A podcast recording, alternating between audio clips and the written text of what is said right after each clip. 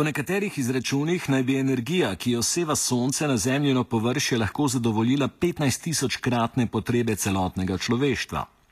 V zadnjih letih je fotovoltaična tehnologija, ki pretvarja sončno sevanje v električno energijo, močno napredovala in postala tudi finančno dostopna. K temu so med drugim prispevale različne spodbojevalne politike nekaterih držav in tudi politike Evropske unije. Razlog za to ni zgolj ekološke narave, ampak tudi težnja po večji energetski neodvisnosti.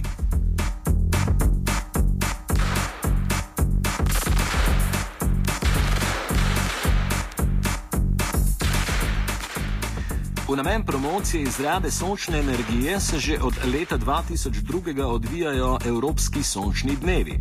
Ti so bili sprva organizirani zgolj v Nemčiji, Švici in Avstriji, od leta 2008 pa so se aktivnosti razširile tudi v Francijo, Italijo, Španijo, Slovenijo in na Nizozemsko. Več o projektu in pomenu sončne energije nam bo povedal Pedro Dijaš, koordinator projekta. Yes, the Solar Days is uh, an awareness raising campaign about solar energy. It started uh, back in 2002 in Austria. Uh, and the, the main idea is to create a framework where people can participate organizing their own events with their own ideas.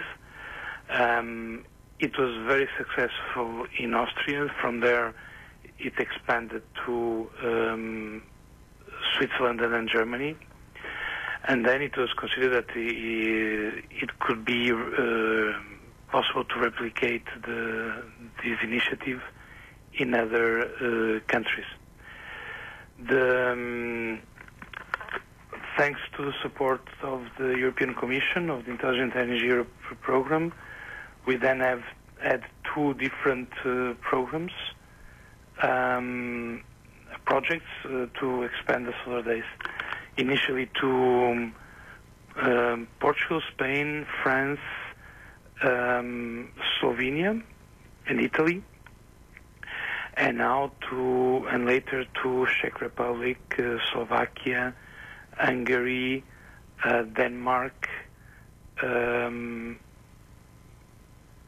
and uh, missing one country. I don't remember now by heart. Um, so the um, the interesting thing is that we through this framework um, the event can adapt the, the, this campaign can adapt to the different countries. So what the type of events that people do are different from one country to the, to the other.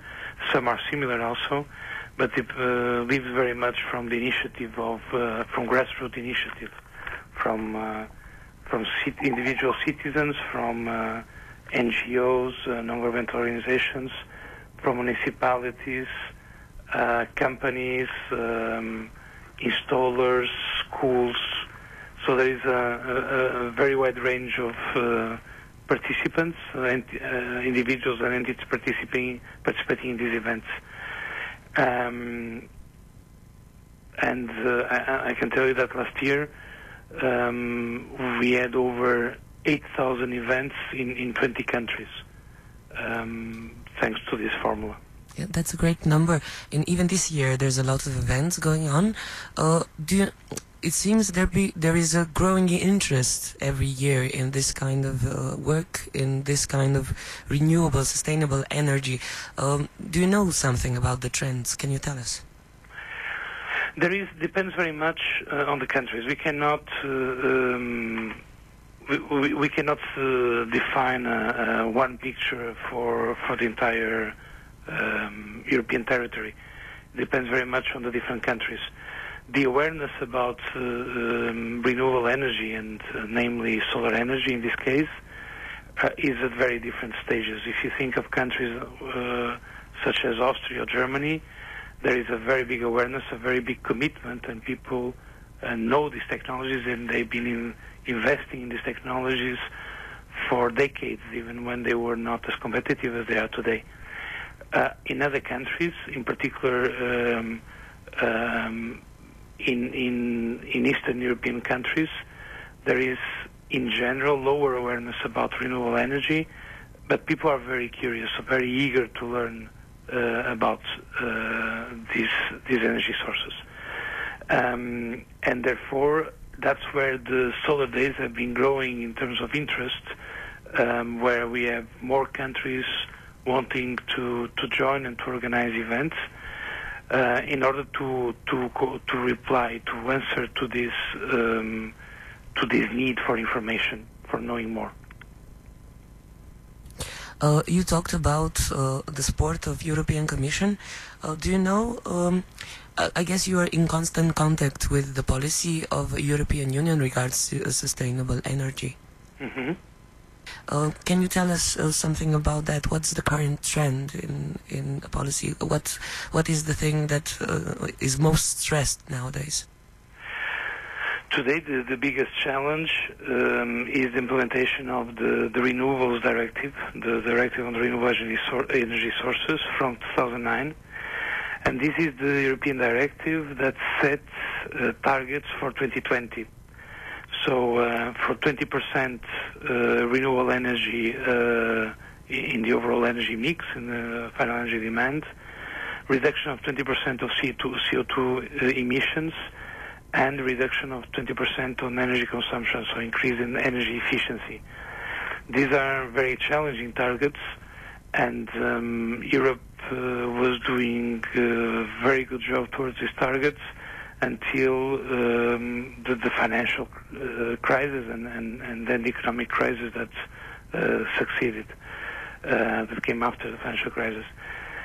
This is still a very big challenge today. We are getting closer, and what we see is that countries are not putting in place um, in, enough measures, let's say, to support these technologies. There are other um, uh, challenges, um, for instance, in terms of building regulations that uh, that's already approved also at European level, what is called the Energy Performance of Buildings Directive, um, that will demand uh, uh, all countries to have from 2020 onwards the nearly zero energy buildings. So this means that all new buildings must uh, have a very low energy consumption, um, and the, the, this low demand uh, for energy must be supplied by renewable energies uh, produced in the same that building or um, nearby, uh, supplied, for instance, for from district heating. So this is a big, a very big uh, challenge also to to set everything in place in terms of technology, in terms of making these technologies the products available um, in the market uh, uh, and affordable. Uh, not only available because they are, but affordable. But will not, uh, and we. It is possible that in 2020 uh, this will be feasible for all the the new the new builds. But we have. Um, still a big problem with the existing buildings, which most of them were, were constructed um, before the 80s or during the 80s uh, and before uh, when there were no concerns about energy costs. Energy was quite uh, uh, uh cheap at the time, and these are still the, the, huge majority of the buildings we have today. And for individuals, uh, the the pressure on on the energy cost of their houses, in particular the the heating, uh, is is getting stronger. So the energy costs uh, of fossil fuels are going up, and we are not bringing into the market uh, alternatives, namely renewable heating cooling, fast enough so that we can bring the, the costs down and provide to EU citizens um, adequate solutions uh, in terms of mass market in the coming years. Um, so the member states need to do much more, not only on, on electricity, which is the most uh, uh, acknowledged solution, but in, in, terms of heating, which represents most of the consumptions of the of the households. So there's there's still a long way to go. Can you maybe comment on the attitude of the larger energy companies which produce most of Europe's energy towards this kind of uh, sustainable energy. It seems uh, a household is less dependent on structural uh, input of energy. In general, um, uh, we, uh, it's, it's a complex question. We need to separate because we're also talking about different uh, situations, different companies and different situations, uh, also in the different countries.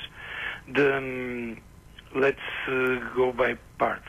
So, when we are talking about the, the, the energy supply, um, as I said before, we're talking uh, when we talk about renewables, the majority has been investing in in, in electricity, renewable electricity and you see many utilities investing in in, in renewable energy also.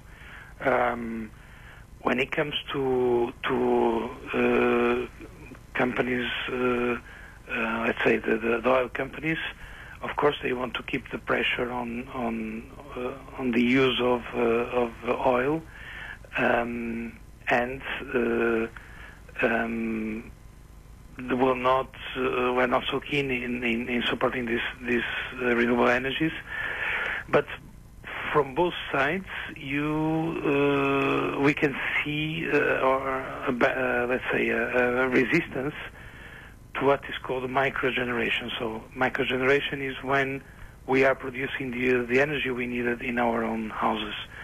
That we are when we produce, for instance, uh, hot water uh, domestic hot water with uh, using solar thermal uh, with collectors on the roof, or um, using uh, biomass um, for the for the heating.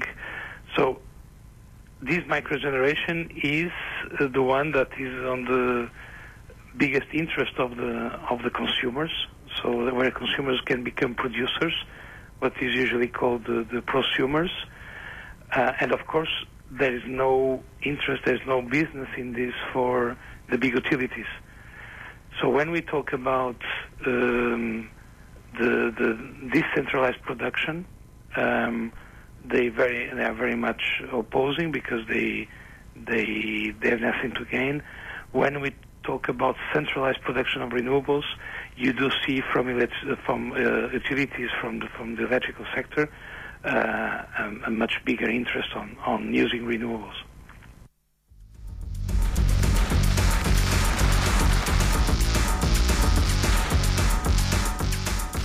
Če vas zanima dogajanje okoli evropskih sončnih dnevov, lahko dobite več informacij na www.solardays.eu. Do povezave lahko pridete tudi prek spletne strani Radia Student.